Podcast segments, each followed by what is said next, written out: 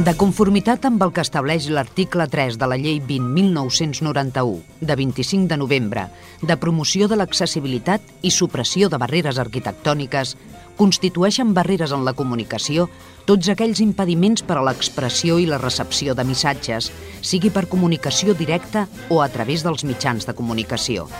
És per això que emparant-nos en aquesta llei, volem que cada ciutadà gaudeixi del seu propi espai per moure's, un espai sense censura, un espai en què vosaltres sigueu els protagonistes.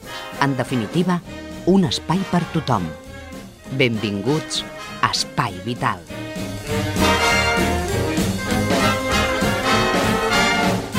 Senyores i senyors, què tal, com estan? Benvinguts un dia més a un programa més. És l'Espai Vital i vostès ja el coneixen.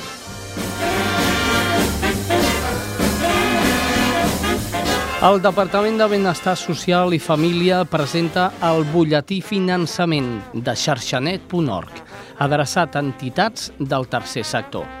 El butlletí electrònic de periodicitat setmanal recollirà tota la informació relativa a les convocatòries de les administracions públiques, així com qualsevol altre tipus de convocatòria privada adreçada a les entitats del tercer sector reunint en un sol espai tota la informació que actualment es troba dispersa i sovint poc actualitzada. Aquest butlletí electrònic, impulsat i finançat pel el Departament de Benestar Social i Família en el marc del projecte xarxanet.org, web del sector de l'associacionisme i el voluntariat de Catalunya, respon a una demanda del sector – accentuada els darrers anys davant la necessitat de millorar la informació de les diferents vies de finançament dels projectes que impulsen les entitats. D'una que les fórmules de finançament cada cop són més plurals, és necessària una eina aglutinadora de la informació sobre convocatòries i ajuts. Amb la posada en marxa d'aquest servei es dota el sector d'una eina útil que ha de permetre augmentar el coneixement dels diferents canals de finançament als quals, en un moment determinat, podem accedir les entitats catalanes per fer possible els seus projectes.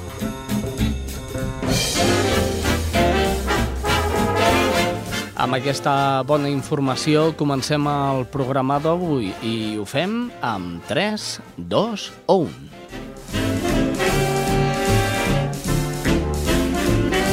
Estàs escoltant Espai Vital.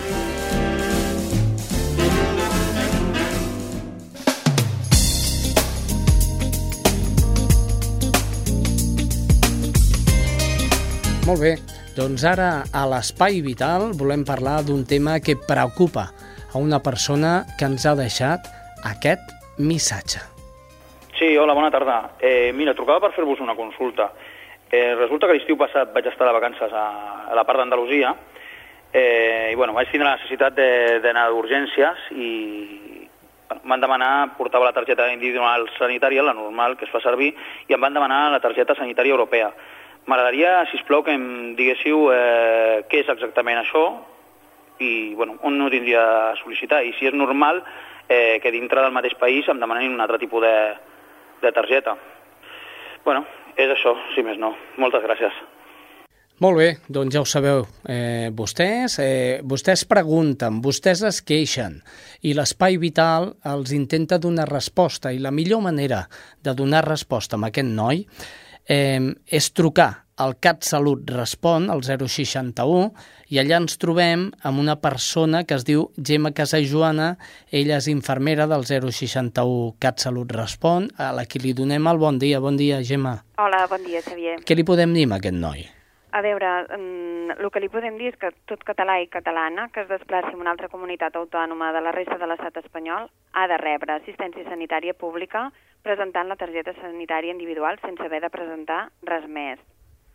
Val? Vull dir que no, no fa falta eh, portar cap altra documentació. I pregunto jo, per què li demanen la targeta sanitària europea? A veure, jo entenc que li deuen demanar la targeta sanitària europea perquè en ella el que consta és el NAS, que és el número d'afiliació a la Seguretat Social. -huh. però amb la targeta sanitària nostra, individual, vale, de, les, de la nostra comunitat i de la resta de comunitats de, de l'estat espanyol, ja, doncs, um, ja, o sigui, no, hauria de demanar, no haurien de demanar-ho. Vale? Mm, hi ha un, un decret, un real decret, Sí. vale? Mm -hmm. que, si voleu, és el 183 barra 2004, Sí. que fixa el contingut de mínim de dades que ha de tenir totes les targetes sanitàries de l'estat espanyol. Vale? I el NAS, el número d'afiliació de la Seguretat Social, no figura com a dada que hi hagi de contenir la targeta sanitària, de manera que no l'haurien de demanar. No l'haurien Vale. de demanar i de fet no surt, no? No, i no Val. surt. No, no, és que no, no està. En, Clar, aquest, jo- en aquest Real Decret no consta que hi hagi de ser, ni per, o sigui, ni per nosaltres ni, ni de la resta de les altres comunitats. Som conscients per això que això passa, eh? perquè tenim trucades, eh? rebem trucades de que això doncs, passa. Eh? Mm -hmm. Vale? I el motiu que li demanin la targeta sanitària, sanitària europea, que aquesta sí que depèn de la cotització a la Seguretat Social, vale? en ella sí que consta un NAS. I per això m'imagino que llavors els hi deuen demanar la targeta europea, però evidentment no té cap sentit això. Com ho fem, Gemma? És a dir, jo A em desplaço ara mateix a una altra comunitat autònoma fora de Catalunya eh, mm, i dono no la ha- meva targeta i Mm. tinc problemes, què és el que haig de fer? Clar, jo, en aquests casos vale, mm, seria bo posar-ho en coneixement de lo que són les regions sanitàries. Vale? Sí, sí, sí, però dic al moment, En Gemma. el moment, Clar, en el moment, en el moment pues, intentar doncs, dir que, no, que t'han d'atendre. Mhm. val? Mm, en el moment és que igual, depèn de l'hora que sigui, si no pots trucar doncs, al Servei Català de la Salut, perquè és en horari mm, d'oficines, diguéssim, vale? pues no, no et podran ajudar en aquell... Clar, en aquell moment no et podran ajudar. Ja. Val? El que sí que recomanem és que llavors sí que contactin amb el Servei Català de la Salut de la regió de cada persona vale? per posar un coneixement perquè ells sí que es posen en contacte amb la comunitat on ha passat per dir que això no és correcte. Mm Clar, en el moment, pues, en el moment depèn de l'hora que sigui, pues, uh, intentar doncs, fer una reclamació anant allà per, perquè això és així, vale? Eh, intentar, doncs, el qui ho sàpiga, pues, dir, no, no, això no és cert, vale? amb la targeta sanitària individual, però si tot i així hi ha algú que es posa molt ferruc i no et volen atendre, pues, igual, pues, llavors, uh, si, no sé, si et cobren la visita o el que sigui, llavors, pues, al tornar, doncs, demanar al Servei Català de la Salut fer una reclamació d'aquesta atenció. Perquè com a mínim Clar, en, parlem. en el moment m'imagino que l'atenció és el que necessites en aquell moment. Si és una cosa que pot esperar un dia, pues, jo diria, pues, home, truca l'endemà a la regió sanitària aquí, aquí a Catalunya per tal de que posin en contacte i es pugui solucionar. Doncs eh, ho haurem de fer així, o això, o treure'ns la targeta sanitària eh, europea per, per anar per Espanya. En Tot i que, En principi no. ens confirma que no fa falta, no? No, no. I com no fa falta, mm, bé, però si la voleu treure per si de cas, eh, passés, A veure, tampoc o, està o la de més. europea o portar la cartilla de la Seguretat Social d'abans, que encara existeix, encara que la gent es pensi que no, tot, mm, tenim un número de Seguretat Social Mhm. i hi ha una cartilla. La cartilla que era abans és una targeta amb el número d'afiliació a la Seguretat Social.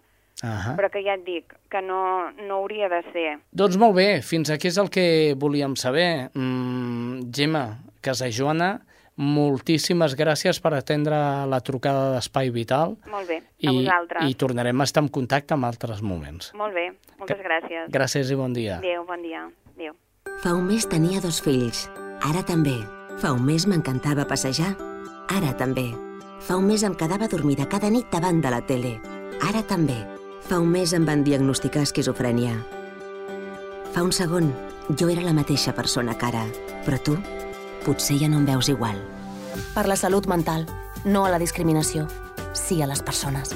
Obertament.org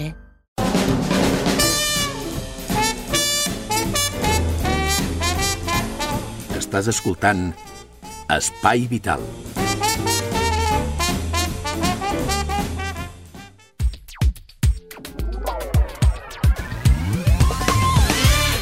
El dia 8 i dintre, dins del marc del Dia de la Dona Treballadora i a l'espai Enric Granados de Cerdanyola es celebra un recital solidari per, eh, a benefici de, de l'EC de Cerdanyola, Catalunya contra els Càncer. És la delegació local de, de l'EC.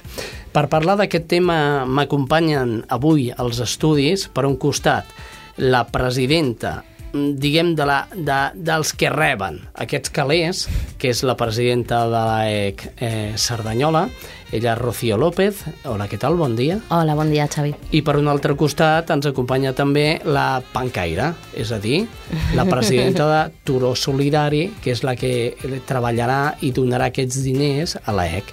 Ella és, encarna la... Rei Sí, senyora. Encarna la Rei, que és la presidenta de Turó Solidari. Bon dia. Bon dia. Eh, fixa que hem estat parlant de noms i al final ni, ni m'he quedat. Eh? Molt bé, doncs, eh, un acte que, que organitzeu vosaltres a Turó Solidari i que doneu els beneficis a la ex Cerdanyola. Explica'm de què va aquest acte. Doncs aquest acte, com, com has iniciat, és um, una, un recital en el que es fa un homenatge a les dones que ens han precedit històricament i que fins i tot amb la seva vida ens han permès que les dones anem fent un, un camí de, de més igualitari en la societat i, per tant, anem fent una societat més justa i més humana. Eh, aquest recital és un recital que combinarà poesia, per tant, poesies fetes per dones majoritàriament, però també alguna d'algun home jove que ha pensat en aquest tema i que, per tant, també es farà públic i eh, es combinarà amb cançons musicades amb dos músics importants d'aquí de Cerdanyola, que són, per una banda, el Joel, pianista, i l'altre, el Ramon Sauló, que el coneixeu tothom. Un gran amic. Un gran, un gran amic, amic, exactament. Sí. Bueno, tots dos són excel·lents amics i eh, músics. Dirigirà tot aquest mm, historial la Conchi Gil, que és mm, la dona pancaire per excel·lència de, de Cerdanyola, del Turó i de l'escola on treballa.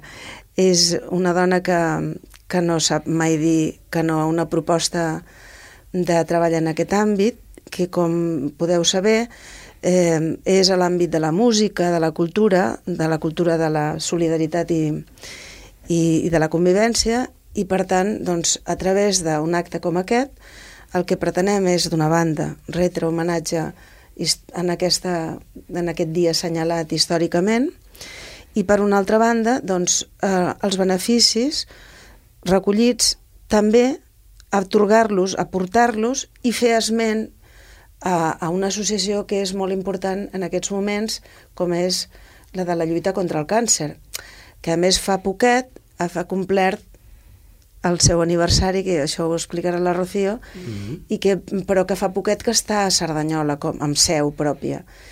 Eh, ens va venir una proposta d'un altre, altre membre de l'associació, la, que és l'Ester, que ha sigut qui va tenir la idea original de fer-ho, i, i a partir d'aquí eh, doncs, vam posar en marxa els motors per, per poder-ho realitzar.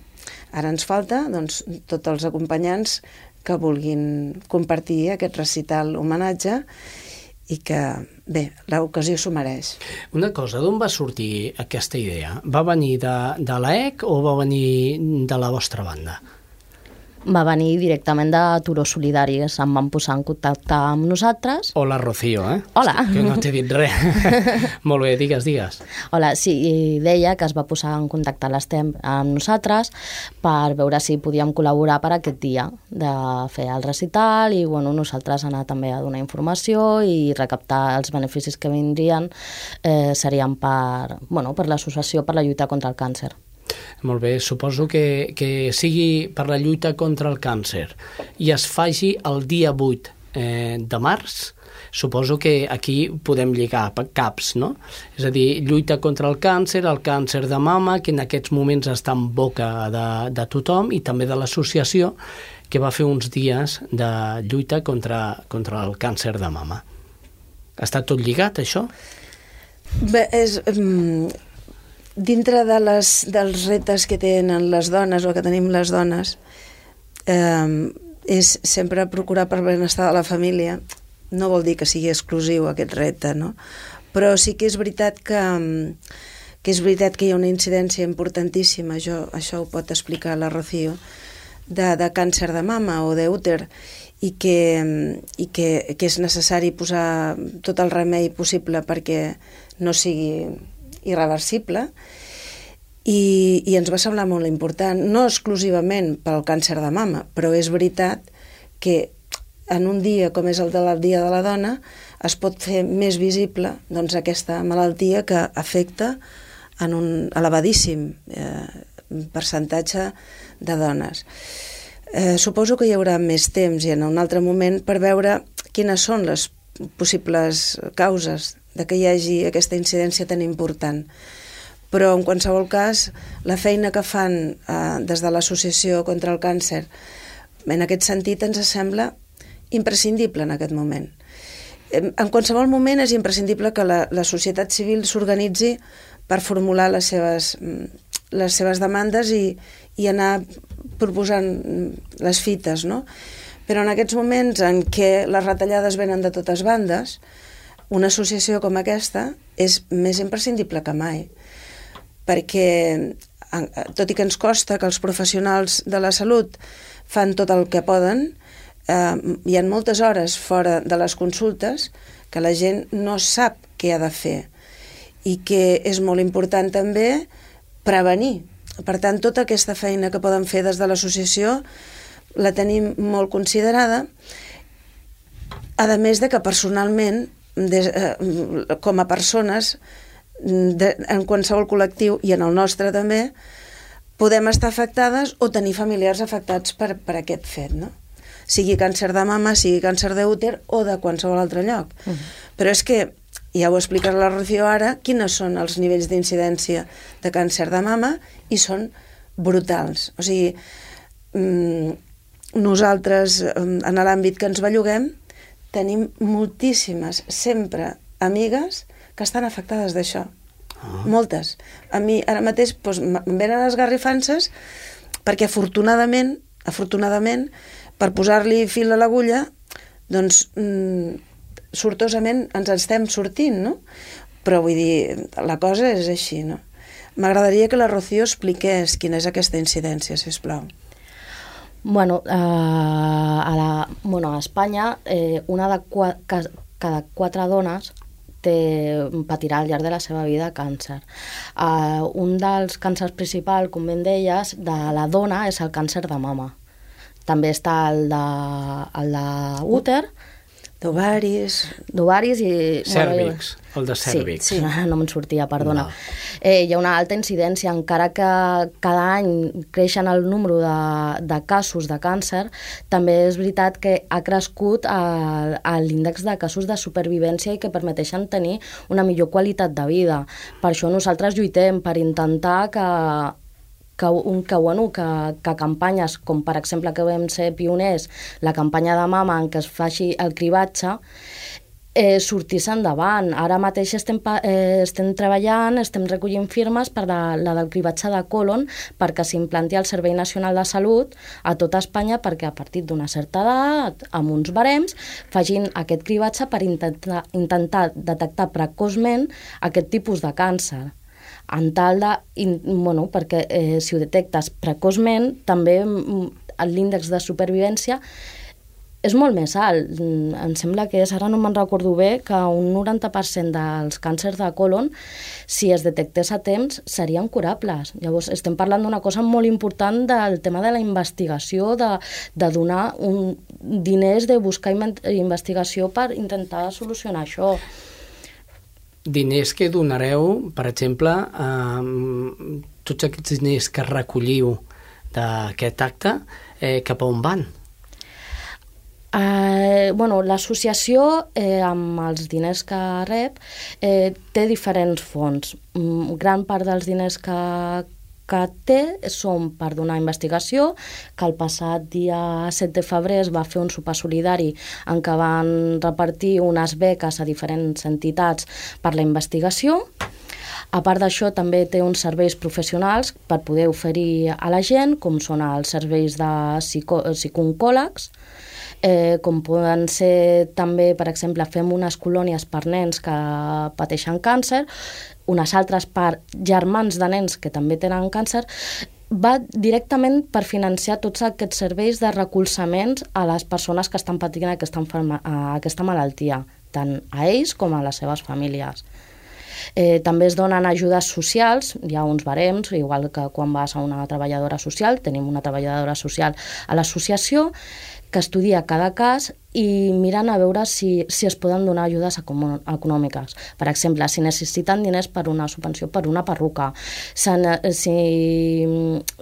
Una pròtesi mamària. Una pròtesi mamària. Mm. Ja, per exemple, fa poc teníem una dona que era, que era mare soltera, que li van detectar un càncer de mama, que tenia un fill petit i que tenia que deixar-ho al menjador i ella no podia fer-se càrrec. L'associació ah. el que va fer va pagar-li el menjador d'aquest nen mentre ella estava en tractament. Més o menys el que fa és estudiar cada cas a veure les necessitats que tenen i com se'ls pot ajudar. Clar, tot aquest diner va això, va a investigació, a fer les campanyes, a, a donar recolzament psicològic, econòmic, mmm, bueno, moltes d'aquestes coses. I fins i tot altres serveis, que no sé si l'heu sentit mai, que és el dels de, pallassos d'hospital, els pallapupes, eh? que fan un servei Gràcies. realment boníssim. Gràcies. Nosaltres al, al a, a l'Hospital Taulí tenim, bueno, hi ha una ludoteca que també són voluntàries, bueno, nosaltres, la Junta de Cerdanyola està formada per voluntàries, nosaltres mm -hmm. tenim la nostra feina, els nostres fills, i després de, bueno, de la feina eh, intentem fer tos, totes aquestes coses. Doncs al Parc Taulí, bueno, a l'Hospital de Taulí també tenen, bueno, a part del servei de psicològic i tenir la Junta també, hi ha un espai per, per als nens perquè tenen un lloc, un, una, una estona d'entreteniment i també van voluntàries a, a, a passar l'estona. Molt bé, eh, jo ara voldria ser una mica agosarat i, i dius a vosaltres previsions a veure, eh, quan es munta alguna cosa s'han de fer previsions. Què penseu que passarà? A veure, pensarem que s'omplirà la, la sala Granados. o que sí. volem pensar o no, passarà? No, no, a veure. passarà.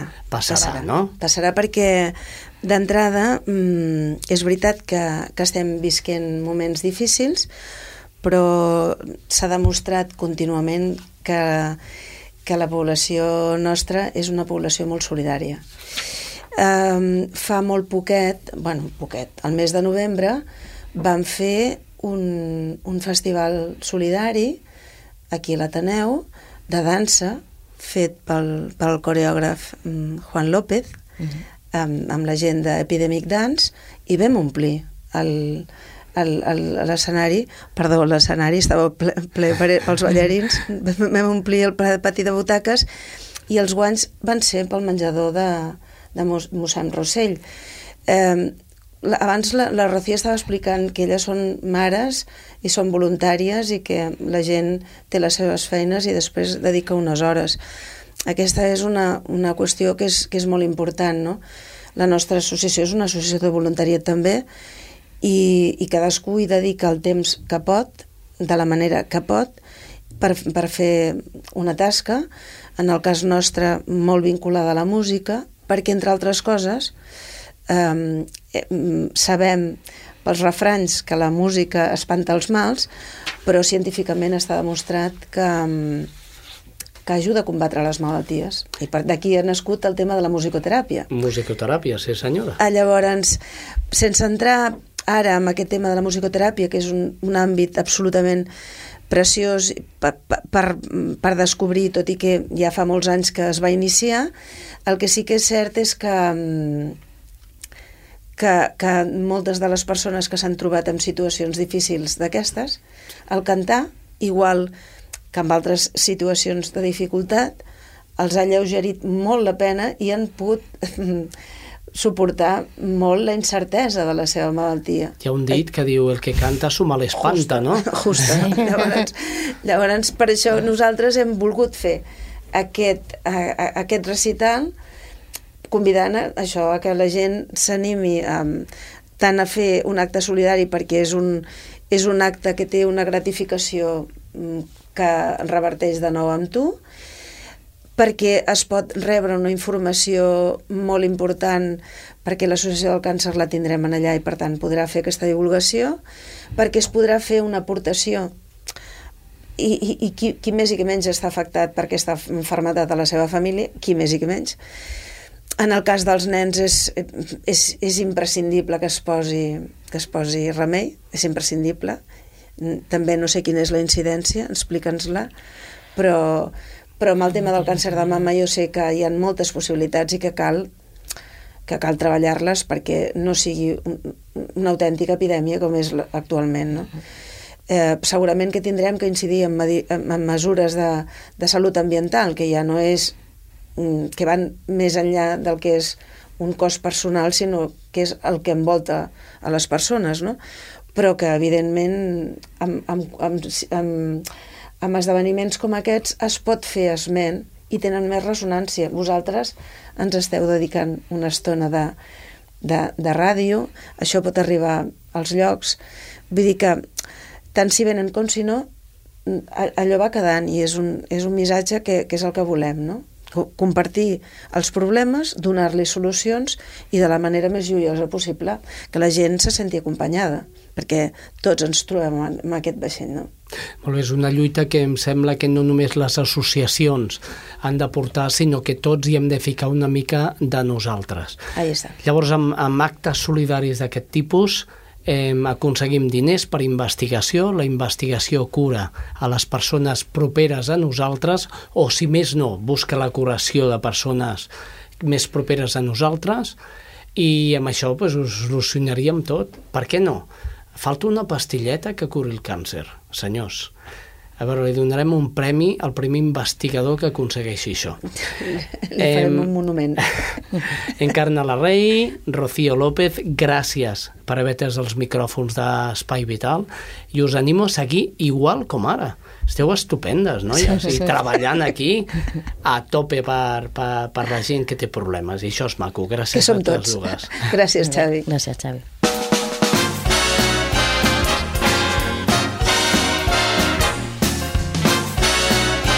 Espai Vital, el primer programa adaptat de les zones.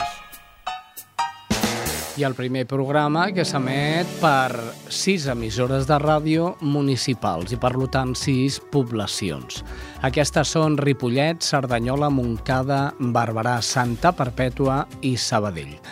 Doncs anem a fer la roda informativa per conèixer les últimes novetats en quant a sanitat i solidaritat. Comencem per Cerdanyola. Des d'allà ens informa Mònica González. Salutacions a Espai Vital des de Cerdanyola Ràdio. El psicòleg sardanyolenc Jaume Guinot ha presentat a l'Ateneu el llibre Mitos i Realidades sobre el TDA, el trastorn de dèficit d'atenció i hiperactivitat. El Banc del Temps organitzava la xerrada per debatre dubtes i consultes sobre uns trastorns que afecten més d'un 5% de la població infantil i juvenil. Jaume Guinot explica que Mitos i Realidades sobre el TDAH publicat per edicions Altària, vol mostrar de forma planera els problemes que tenen les persones amb TDAH i ofereix pautes d'aplicació tant a casa com a l'aula o la vida quotidiana. El TDAH és una síndrome de conductual amb base neurològica. Guinot explica que es pot tractar de forma majoritària amb la modificació de pautes de conducta. El psicòleg indica que la gran majoria d'afectats són infants, tot i que també hi ha un petit percentatge d'adults. Hi ha diferents tipus de TDAH. Pot haver-hi dèficit d'atenció amb o sense hiperactivitat i la hiperactivitat pot tenir o no impulsivitat. En tot cas, Guinot remarca que és una síndrome complexa i això pot provocar un desconeixement que faci que la vida del nen afectat pugui ser un infern. El psicòleg destaca la necessitat d'estar informat i diu que cal un professional que valori si el comportament d'un nen correspon a un TDAH i plantejar pautes de correcció. I això és tot des de Cerdanyola Ràdio. Fins a la setmana vinent. És un tema super interessant que nosaltres també recollim i la setmana vinent tindrem aquí els nostres estudis el psicòleg Jaume Guinot. Seguim la roda informativa, ens n'anem cap a Ripollet. Des de Ripollet ens informa Reme Herrera. Salutacions des de Ripollet Ràdio. Aquesta setmana us volem comentar que l'Assemblea Comarcal de Creu Roja Cerdanyola Ripollet Moncada ha programat pels mesos de març i abril un curs oficial de primers auxilis i l'ús de desfibrilador. Les classes començaran el proper 16 de març i s'allargaran fins al 27 d'abril. Es realitzaran tots els dissabtes de 9 a 2 i de 3 a 8 de la tarda. La realització d'aquest curs dona 4 crèdits de lliure elecció. La matrícula ja es pot formalitzar a la seu de l'Assemblea Comarcal de la Creu Roja Cerdanyola Ripollet Moncada a l'Avinguda de l'estació 2325. També poden trucar al telèfon 93 691 61 61. I això és tot per avui, des de Ripollet fins la setmana vinent. Fins la setmana vinent, mmm, res més. Eh, interessant, interessant el curs de primers auxilis de Creu Roja. Penseu que mai està de més tenir un curs que t'ajudi a salvar la vida a les persones que tens al costat. Bé, deixem-ho aquí. Anem ràpidament cap a Barberà. Des d'allà ens informa Judit González. Salutacions de Ràdio Barberà. Aquest mes de febrer, vuit alumnes de segon d'ESO de l'Institut Camplanes de Bàrbara del Vallès han visitat el Centre d'Atenció Primària Rosa dels Vents del municipi en el marc del projecte COP Coneixement d'Ocupacions Bàrbara del Vallès en la modalitat de COP-ESO que desenvolupa la Fundació Bàrbara Promoció. L'objectiu del projecte COPESO és el de millorar la motivació de l'alumnat i aconseguir una actitud positiva cap als estudis de l'ensenyament secundari obligatori. En aquesta ocasió, l'alumnat ha tastat l'ocupació de sanitat i infermeria, que ha consistit en conèixer les professions que s'inclouen en aquest àmbit ocupacional, així com apropar els diferents itineraris formatius que els hi permeten accedir. Durant la sessió, un professional del centre els va realitzar una aproximació teòrica al sector de la sanitat i els va informar sobre quina és la funció concreta del centre d'atenció primària en quant a assistència, prevenció i informació. Tot seguit van posar en pràctica diversos aspectes de tractament i socors, com ara la reanimació cardiopulmonar, prendre l'atenció, així com primers auxilis, cures de ferides o com fer embenatges. En acabar, van fer una visita guiada pel centre, on se'ls va explicar cadascuna de les àrees i serveis del centre d'atenció primària. Fins la setmana vinent. És important conèixer la sanitat pública i tot el que ens aporta. Marxem de Barberà, ens anem cap a Montcada. Des d'allà ens informa, com sempre, Laura Grau. Salutacions des de Montcada. El Banc de Sang i Teixits de Catalunya s'ha fixat com a repte arribar als 300 donants durant la vuitena marató de Montcada i Reixac, que tindrà lloc l'11 de març a la Casa de la Vila durant tot el dia. L'edició del 2012 va ser una de les més participatives de les que s'han fet fins ara, amb un total de 260 extraccions. La marató rep el suport de l'Ajuntament, l'Associació de Donants de Sang del Vallès Occidental i l'Assemblea de Creu Roja de Serranyola, Ripollet, Montcada, que oferirà servei de guarderia guarderia per les persones que acudeixin a donar sang acompanyades de criatures. També hi haurà un concurs de dibuix, una xocolatada i un berenar gratuït per als donants. El Banc de Sang promou les maratons per complementar les visites periòdiques que fa la unitat mòbil al llarg de l'any, tenint en compte que la sang no es pot fabricar i que, per tant, la col·laboració ciutadana és fonamental perquè els hospitals disposin de plasma per fer transfusions i altres operacions. Poden ser donants de sang les persones entre 18 i 65 anys que no pateixin cap malaltia crònica, no cal anar en dejú, sinó al contrari, és recomanable haver fet un àpat normal. Abans de fer la donació, el voluntari ha d'omplir un qüestionari mèdic. En el cas de les dones es poden fer tres extraccions a l'any, mentre que en els homes són quatre sempre que hagin passat dos mesos entre donació i donació. Així que ja sabeu, l'11 de març teniu una cita a Montcada amb el Banc de Sang i la seva marató. Això és tot des de Montcada Ràdio per l'Espai Vital. I la, des de l'Espai Vital us volem eh, recomanar que, si us plau, aneu a donar sang perquè, com ja sabeu, donar sang és donar vida i algun dia la podeu necessitar. Molt bé, des de Montcada ens n'anem cap a Santa Perpètua. Allà, a Santa Perpètua, com sempre està, l'estrella Núñez. Hola, salutacions des de Santa Perpètua.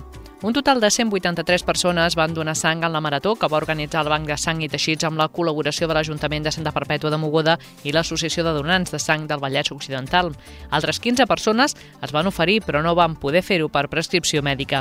Tot i no assolir la xifra desitjada de 200 donacions, des del Banc de Sang es fa una valoració molt positiva perquè si tothom que es va tensar hagués pogut donar, haguessin estat 198 les donacions recollides. Un aspecte que valora el Banc de Sang com a molt satisfactori és que van aconseguir aconseguir 19 nous donants. L'objectiu principal de la Marató de Sang era sensibilitzar la ciutadania sobre la necessitat de prendre el costum de donar sang i captar nous donants. També es tractava de conscienciar aquelles persones que ja ho són que cal augmentar la periodicitat de les seves donacions i fins i tot de recuperar-ne antics donants. Des del Banc de Sang i Teixits han agraït la col·laboració de l'Ajuntament de Santa Barpètua i l'Associació de Donants de Sang del Vallès Occidental, també dels voluntaris de Creu Roja que van fer possible un espai de ludoteca, d'entitats locals i dels mitjans locals de comunicació que van intervenir en fer la campanya. El Banc de Sang considera que la campanya mediàtica motiu de la Marató també ajuda a que altres persones que no van poder donar sang en la jornada especial ho facin en altres captacions.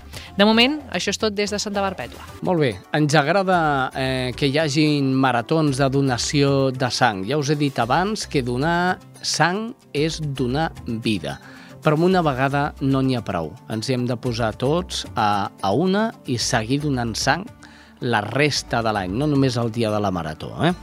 Molt bé, i ja per últim ens queda Sabadell. Eh, des d'allà ens informa Karen Madrid. Salutacions des de Sabadell. Els professionals sanitaris i les empreses i centres tecnològics de Catalunya ja treballen de forma conjunta. El personal d'hospitals i centres mèdics expressen les seves necessitats i els treballadors tecnològics les recullen i ideen projectes per satisfer-les. L'última trobada entre els dos sectors ha tingut lloc aquí a Sabadell, al Taulí, sota el nom Jornades TechMed. En total, una cinquantena de sanitaris i una vuitantena d'empresaris han parlat de temes com la cronicitat, la rehabilitació, l'habitació intel·ligent i l'hospital sostenible, tot plegat dins del clúster de tecnologies mèdiques que pretén millorar el sector i fer-lo més competitiu en el context econòmic actual de crisi. És tot des de Sabadell. Què passaria si mengessis només una vegada? Que al cap de poques hores començaries a sentir fatiga i mareig. Després et baixaria la pressió i la temperatura corporal. Et sentiries molt feble i perdries el coneixement. Què passa si dones sang només una vegada? Que al cap de pocs dies ens comencen a faltar glòbuls vermells. Després baixen les nostres reserves per fer transfusions. Tot seguit comencem a trobar que ens manquen plaquetes. Així no podem ajudar els malalts de càncer, ni podem atendre emergències. Necessitem que tornis a donar sang, com tu necessites tornar a menjar. Amb una vegada no n'hi ha prou. Vine a donar. Banc de sang. A casa hem acollit l'Òscar fa un mes. Ara viu amb nosaltres. No sé fins quan es quedarà. Mai no havia vist ningú que li agradés tant els macarrons. Crec que els seus pares passen un mal moment, però se'l veu content. Amb els acolliments familiars de Creu Roja, la teva família pot ser, durant un temps, la d'un nen o una nena. Suma-la a la teva vida. Acolliments familiars de Creu Roja. Truca al 93 300 65 65. Amb l'acolliment, tothom guanya. He tenido muy poca autoestima, muchas inseguridades y sigo sintiéndome poquita cosa al lado de los demás. Soc Mercè, afectada de psoriasi i membre d'Acció Psoriasi. Si vols conèixer el veritable impacte de la psoriasi, una malaltia que va més enllà de la pell, et convido que visitis enprimerplano.org. Això és Espai Vital. Arribat a aquest punt, és moment d'escoltar el capítol número 11 del Mont Groc. Eh, el Mont Groc, un llibre d'Albert Espinosa, traslladat a capítols de ràdio per nosaltres mateixos, per l'associació Espai Vital. Doncs vinga, amb 3, 2, 1, escoltem el Mont Groc. A continuació us oferim El món groc, una obra d'Albert Espinosa, versió radiofònica produïda per l'associació Espai Vital. Nové descobriment. Ajunta els llavis i bufa. Em sembla que durant l'estada a l'hospital em van arribar a posar mil injeccions. No és cap mentida. Tinc venes enquistades, venes seques, venes ocultes. M'encanta quan una vena decideix baixar les catacumbes de l'organisme, lluny de la pell, lluny de les punxades. Que intel·ligents que són les venes. Sempre que m'han punxat, he bufat, tant quan notava dolor com quan vaig deixar de sentir-ne. Bufar fa que tot sigui millor. M'agrada pensar que bufar té alguna cosa màgica. Recordo que la mare de l'Antonio un pelón molt divertit que sempre ens feia riure, m'explicava que havien de bufar i demanar un desig. Ens deia que la gent només bufa per demanar un desig el dia de l'aniversari, perquè es pensen que els aniversaris tenen poder. Però el que no saben és que el poder és en la bufada. M'encantava la mare de l'Antonio. Sempre ens explicava històries fabuloses, plenes d'exemples. Ens explicava, entre moltes d'altres coses, el poder de bufar. Ens parlava de les mares que bufen les ferides dels fills quan cauen de la bicicleta, desgarrinxades que es curaven bufant i al damunt i amb una mica d'aigua oxigenada, el superpoder de bufar. jo m'ho vaig creure a ulls clucs. Sempre que em posaven una injecció, jo demanava un desig. Mai no me n'oblidava. Bufava, pensava un desig i notava una injecció. Automàticament somreia. Quina sort poder demanar tants desitjos. Em sentia molt privilegiat. A més, he de dir que s'han complert molts. Fent ja la meva vida normal, no he deixat de bufar. Bufo dues o tres vegades per setmana, sense cap raó aparent, quan ho necessito. Com deia la mare de l'Antonio, les bufades se'ns acumulen a dins i cal treure-les. S'han de fer sortir. Així doncs, no tingueu por i bufeu. Com a mínim una vegada per setmana. Això sí, sempre heu de demanar un desig. De vegades penso que se m'han complert molts desitjos perquè a l'hospital vaig bufar molt. Crec que sense saber-ho l'organisme ens dona una arma contra la mala sort. El problema és que la quotidianitat d'aquest superpoder ha fet que no ens n'adonem. Recordeu, 1 heu de posar la boca en forma do. 2. Heu de pensar un desig, però tenim present que pot ser que es compleixi. Els desitjos han de ser desitjats. No s'hi val qualsevol cosa. 3. Bufeu, bufeu, traieu aire, el vostre aire, i recordeu, com més gran sigui el desig, més gran ha de ser la bufada. La bufada ideal és aquella en què res no queda dins. Quedeu-vos sense bufera. Estic segur que les persones centenàries han bufat molt. I aquest intercanvi d'aire, aquest deixar anar i tornar a agafar, és el que els ha donat una vida tan llarga. L'Antonio va morir bufant. No sé què va demanar, però la seva mare em va dir que estava segura que s'havia complert. I jo també ho crec. Ajunteu els llavis i bufeu. Demaneu un altre desig.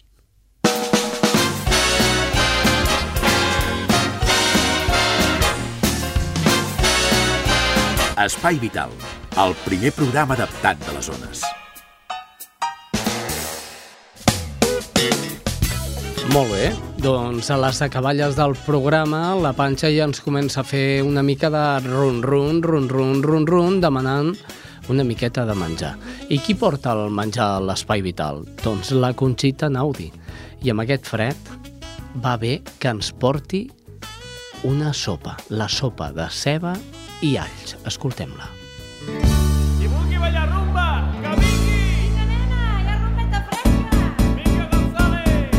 Prim, prim, prim, i mort de gana, mort de gana, mort de gana. Hola, amics. Avui us porto una recepta que és crema de ceba i alls. Però tinc molt senderi, després de la guerra no hi havia tiberi. I vaig enxufar-me, vaig enxufar-me en un ministeri. Jo faig ordenança. Mireu, els ingredients són 600 grams de ceba blanca, tendra o de figueres, ser 10 grans d'all, un litre de brou d'au, pot ser de bric també, eh? 50 grams de pa torrat, també pot ser 4 llesquetes de barra, 200 mil·límetres de nata, oli i pebre. I per acompanyament pot ser uns encenalls de pernil, ceba fregida deshidratada, ous de gallina escalfats, etc. O si és de festa, que en mengem sardina, jo que estic al tanto L'elaboració. Eh, primer de tot, si no teniu el pa torrat, el podeu tallar a llesques i torrar-lo al forn uns 10 minuts o a la torradora, com vulgueu. Un cop està, el reservem.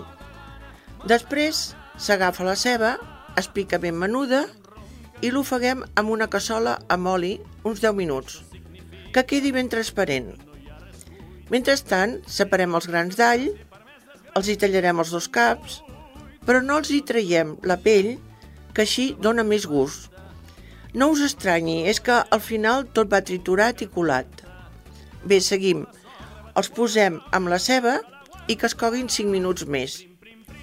Passat aquest temps, hi posem el pa i el brou d'au i deixarem que cogui durant 15 minuts més, tot junt. Ara es posa la crema de llet i també deixarem 5 minuts més a foc moderat. Quan està, es retira del foc i es tritura amb la batedora. Es rectifica de sal i pebre i es passa per un colador. Ja veureu que la pell dels alls quedarà en el colador. I es pot servir ben calenta. Eh, suggeriments per servir la crema? Doncs, com he dit abans, es pot posar uns encenalls de pernil serrà, la ceba deshidratada, etc. També a mi personalment m'agrada més menjar-la calenta, no obstant, al ser un tipus de bitxo suà, també la podríeu prendre tèbia o freda. Doncs, que us vagi de gust. Res més i bon profit.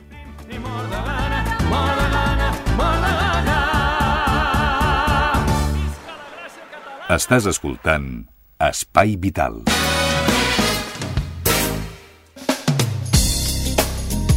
Molt bé, són ja les acaballes del programa. Us voldria recordar que tenim un correu electrònic que és accessible per tothom i que ara mateix us el dono. El correu és radioespaivital arroba telefònica.net Repeteixo, radioespaivital arroba telefònica.net i un blog al qual podeu accedir a través d'internet aquest blog, eh, la manera senzilla de trobar-lo és a, a, a través del cercador Google, poseu a Espai Vital i la primera de les opcions que ho don és el blog d'Espai Vital.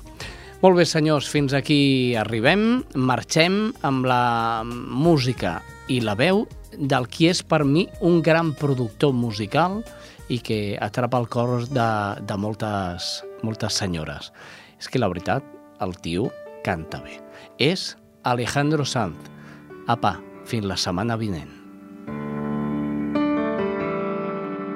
Y juro que es verte la cara y mi alma se enciende. Sacas al sol las pestañas y el mundo florece. Y dejas caer caminando un pañuelo y mi mano sin mí lo recoge. Tienes la risa más fresca de todas las fuentes. Eres el timbre del nido de mis gorriones. Me hueles a hierba y me sabes a tinta y borrones. Eres el rayo de mayo, mis letras, tus cremas cantando en el coche. Cuando juntamos las sillas me siento tan torpe. Y tienes guardados abrazos que abarcan ciudades. Tienes un beso de arroz y de leche en el valle. Y dices que vienes de Marte y vas a regresar, vamos que te irás. Pero es que a veces, tan solo a veces, lo que está haciendo es lo que parece. A veces parece que te hayas marchado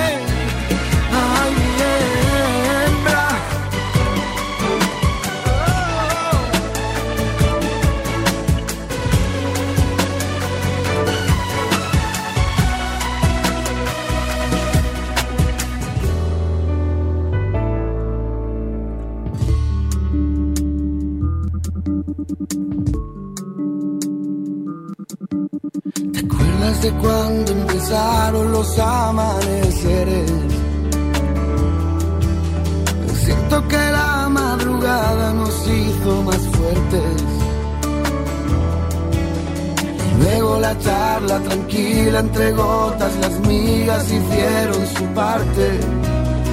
Luego se juntan las sillas, las voces se duermen. Y cierto las lágrimas caen, pero no tienen nombre.